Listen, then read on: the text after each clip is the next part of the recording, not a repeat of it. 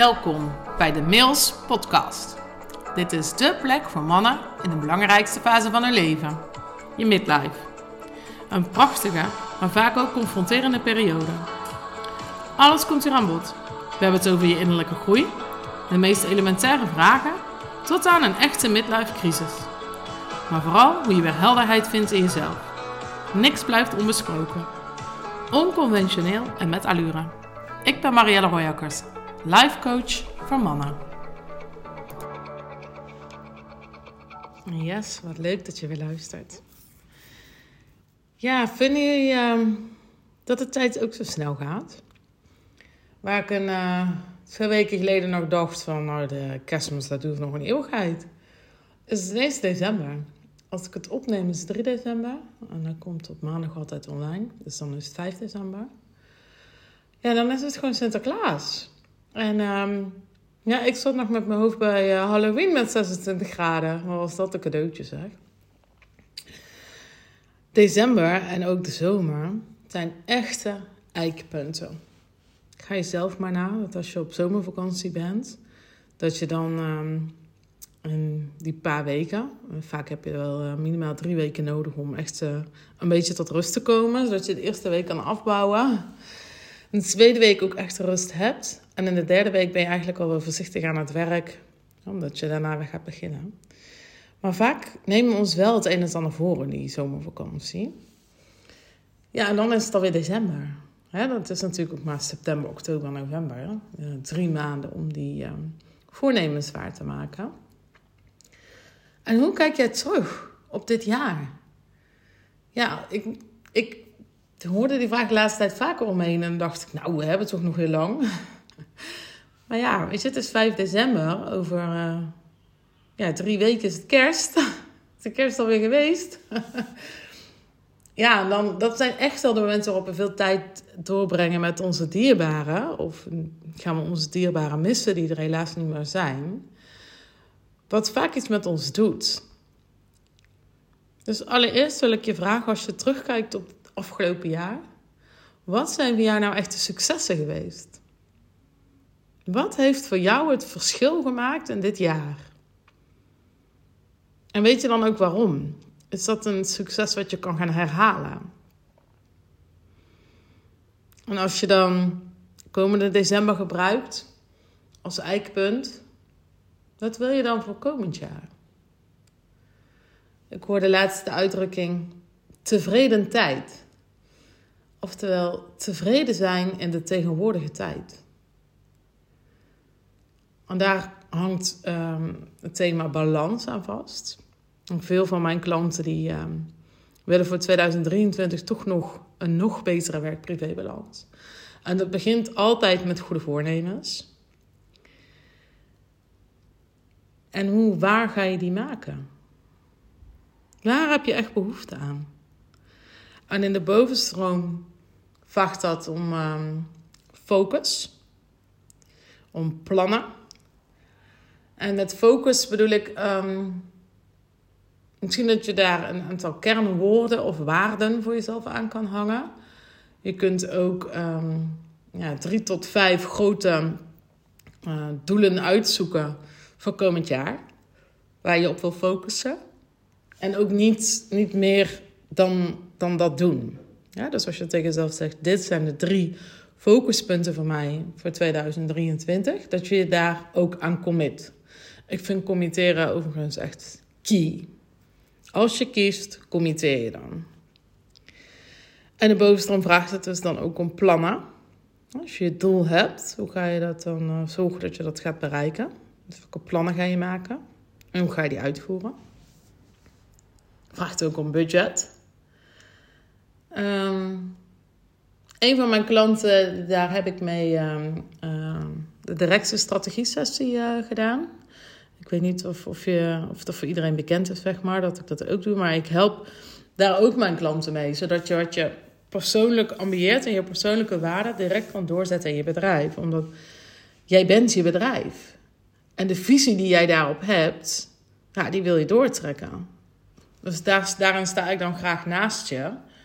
Zodat je die ook um, ja, snel en gefundeerd kan door laten druppelen in je organisatie. Maar goed, een van mijn klanten, daar kwam uit in die sessie uh, simpel.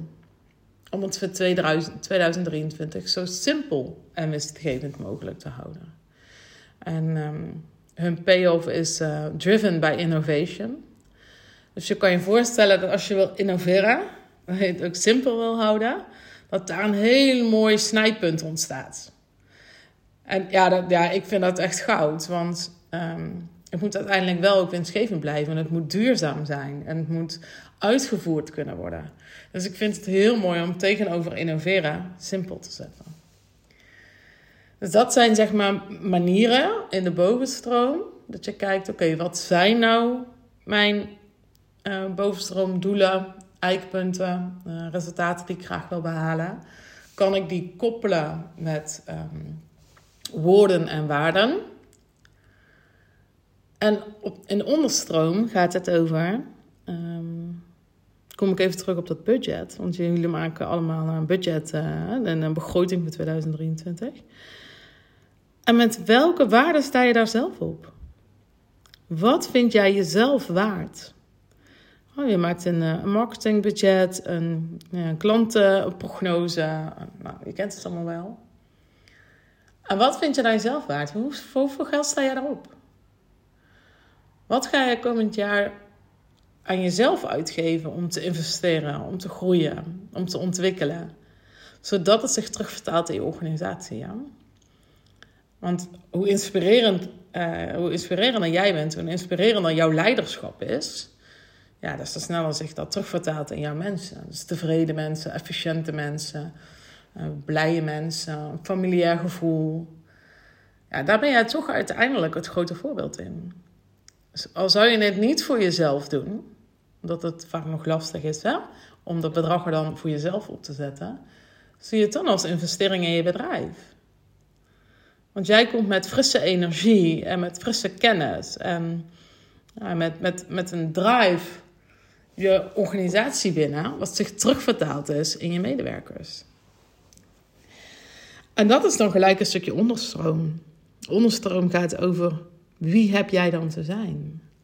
Wat voor soort leider ga jij zijn in 2023?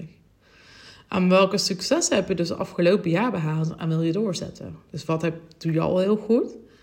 En waar wil je nog in gaan verbeteren? En welke visie heb jij op jezelf en op de rollen die je vervult? Als directeur, maar ook als mede-MT-lid, maar ook als manager ook als je misschien nog bepaalde mensen um, operationeel beïnvloedt, welke visie heb je daar dan op? Wat wil je ze meegeven?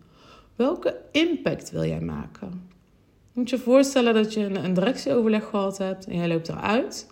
En ik zou aan die andere mannen vragen: welke impact heeft die en die zojuist op jou gemaakt? Wat wil je dat ze dan zeggen? Welke visie heb je daarop? Ik wil je helpen door je ehm, vier vragen voor te leggen. Uh, die kun je gebruiken in zowel in de bovenstroom als in de onderstroom.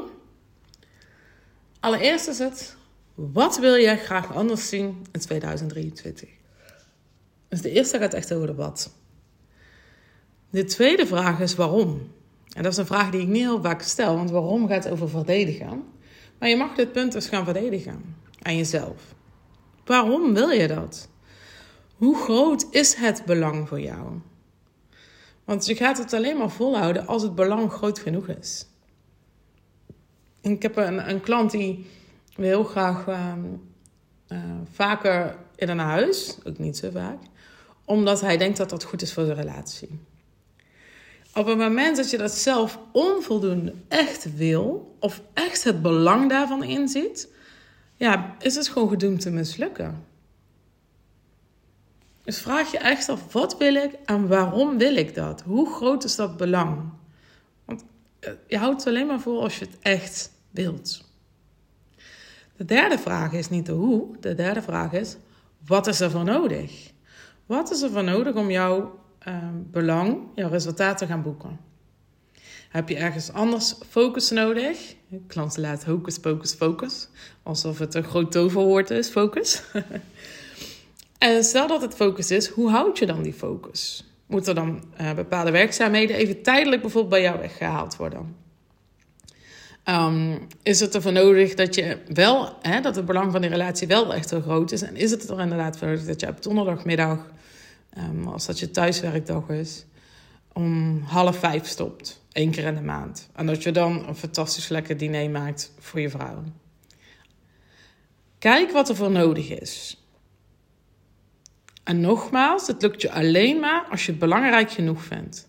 Anders kies je toch voor werk. En anders kies je er toch voor om alles te blijven doen.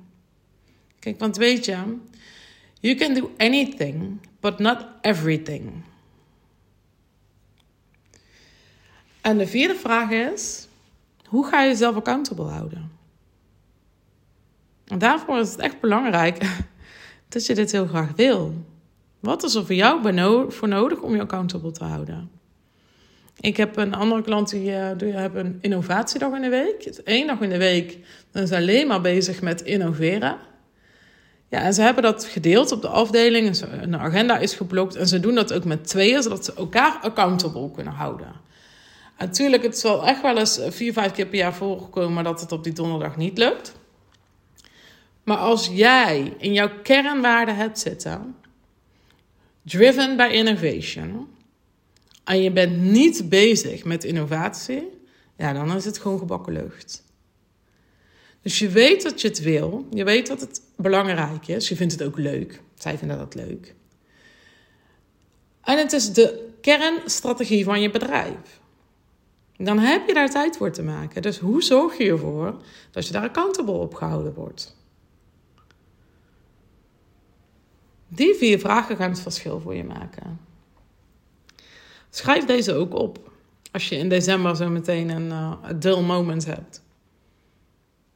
En ga echt even bij jezelf na. Ja, ik, ik noem dat dan voelen, maar misschien krijg je daar kribbels van als ik het zeg. Ga echt even voelen. Check even in bij jezelf. Wat wil ik? Waarom vind ik dit zo belangrijk? Wat is er nodig om het doel te halen? En hoe houd ik mezelf accountable? Schrijf dat op.